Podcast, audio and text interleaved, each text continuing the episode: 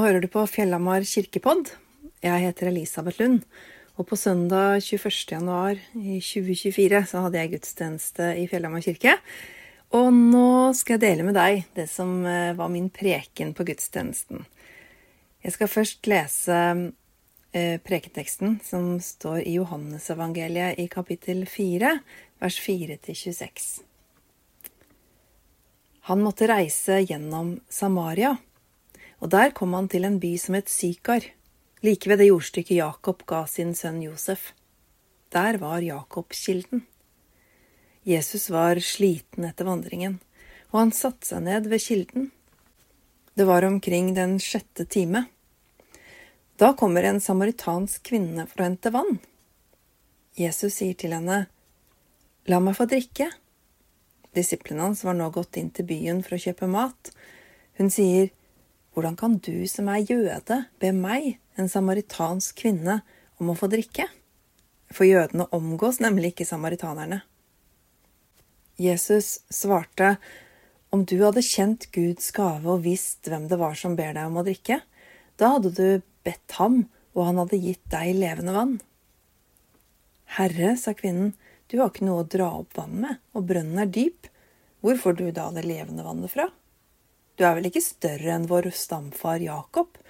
Han ga oss brønnen, og både han selv og sønnen hans og buskapen drakk av den. Jesus svarte, Den som drikker av dette vannet, blir tørst igjen. Men den som drikker av det vannet jeg vil gi, skal aldri mer tørste. For det vannet jeg vil gi, blir i ham en kilde med vann som veller fram og gir evig liv. Kvinnen sier til ham, Herre, gi meg dette vannet, så jeg ikke blir tørst igjen og slipper å gå hit og hente opp vann. Da sa Jesus til henne, Gå og hent mannen din, og kom så hit. Jeg har ingen mann, svarte kvinnen. Du har rett når du sier at du ikke har noen mann, sa Jesus, for du har hatt fem menn, og han du nå har, er ikke din mann. Det du sier, er sant. Herre, jeg ser at du er en profet, sa kvinnen. Våre fedre tilba Gud på dette fjellet, men dere sier at Jerusalem er stedet der en skal tilbe. Jesus sier til henne, Tro meg, kvinne, den time kommer da det verken er på dette fjellet eller i Jerusalem dere skal tilbe Far. Dere tilber det dere ikke kjenner, men vi tilber det vi kjenner, for frelsen kommer fra jødene. Men den time kommer, ja, den er nå, da de sanne tilbedere skal tilbe Far i ånd og sannhet. For slike tilbedere vil Far ha. Gud er ånd, og den som tilber ham, må tilbe i ånd og sannhet. Jeg vet at Messias kommer, sier kvinnen. Messias er det samme som Kristus. Og når han kommer, skal han fortelle oss alt. Jesus sier til henne, det er jeg, jeg som snakker med deg. Slik lyder Herrens ord. Det er alltid spennende å finne ut hva som kan skje når to mennesker møter hverandre. To ulike liv. Jeg kommer som den jeg er, og har hele min livshistorie med meg. Alle de erfaringene jeg har gjort, alt som har fått meg til å tro på livet, til å tro på meg sjøl og tro på Gud alt jeg lengter etter i livet. Og jeg bærer også med meg alle skuffelser og nederlag, alt som skaper tvil, og som kan gjøre meg redd og usikker. Og noen dager er det som er vanskelig i livet, det som er mest synlig for meg. Og så møter jeg deg, som har dine erfaringer og din historie og din dag. Og når vi møter hverandre, så velger vi nok bevisst eller ubevisst hva vi vil at den andre skal se. Mye ut fra situasjonen vi møtes i, selvfølgelig, men også mye på bakgrunn av hvordan vi blir møtt, kanskje. Vi fanger opp mange signaler som forteller oss om vi kan være oss selv, eller om vi må passe godt på hva vi viser fram. Noen mennesker kan til og med få oss til å føle oss skamfulle eller uviktige, mens andre kan møte oss på en sånn måte at vi kan dele det meste, og til og med føler oss bedre etterpå. I prekenteksten så har vi hørt om hun vi kaller kvinnen ved brønnen, som møtte Jesus. Vi vet ikke så mye om den kvinnen ved brønnen, men alt tyder på at hun ikke følte seg som en del av fellesskapet i den lille landsbyen hun bodde i, for hun kommer nemlig ut til brønnen for å hente vann omkring den sjette time, står det, og det er midt på dagen, da sola steker med en utholdelig varme.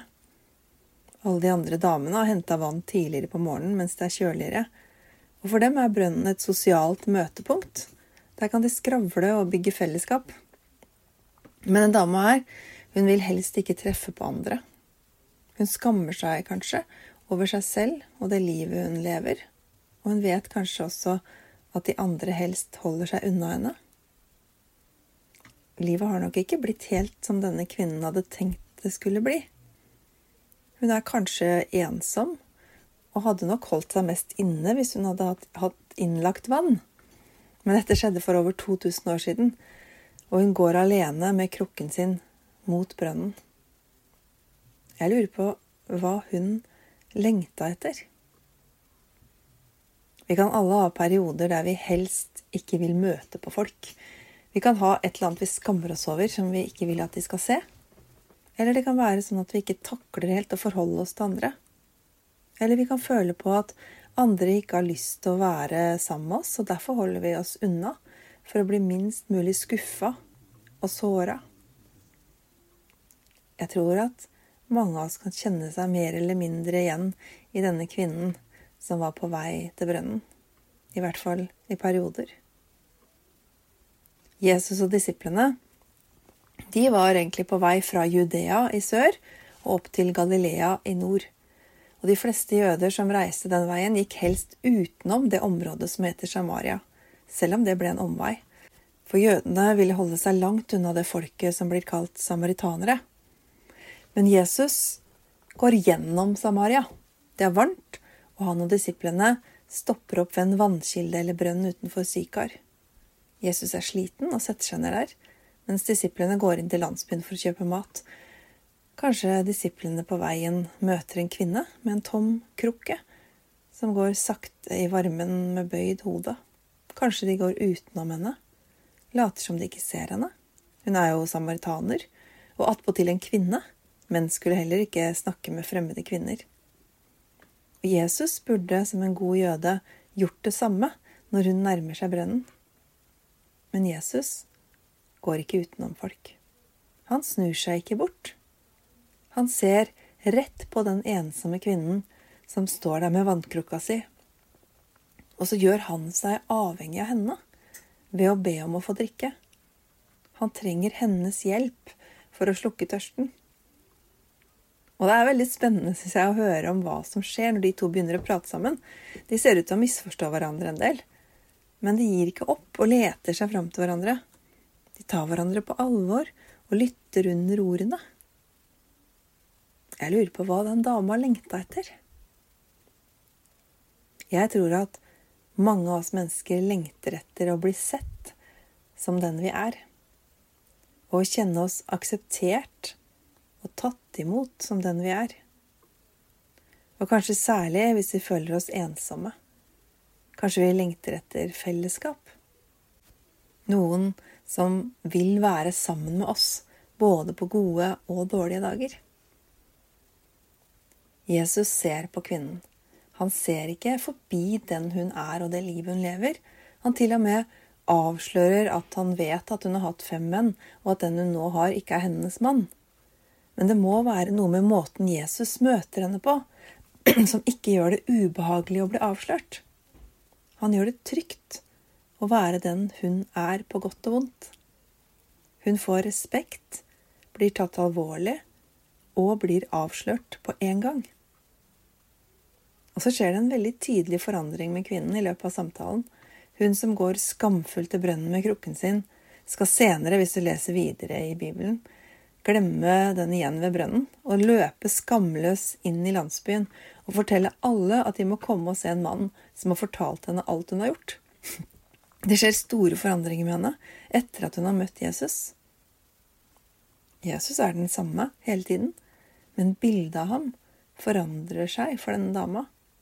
Han går fra å være en fremmed hun kanskje helst ville slippe å møte, til å bli en som gir henne levende vann.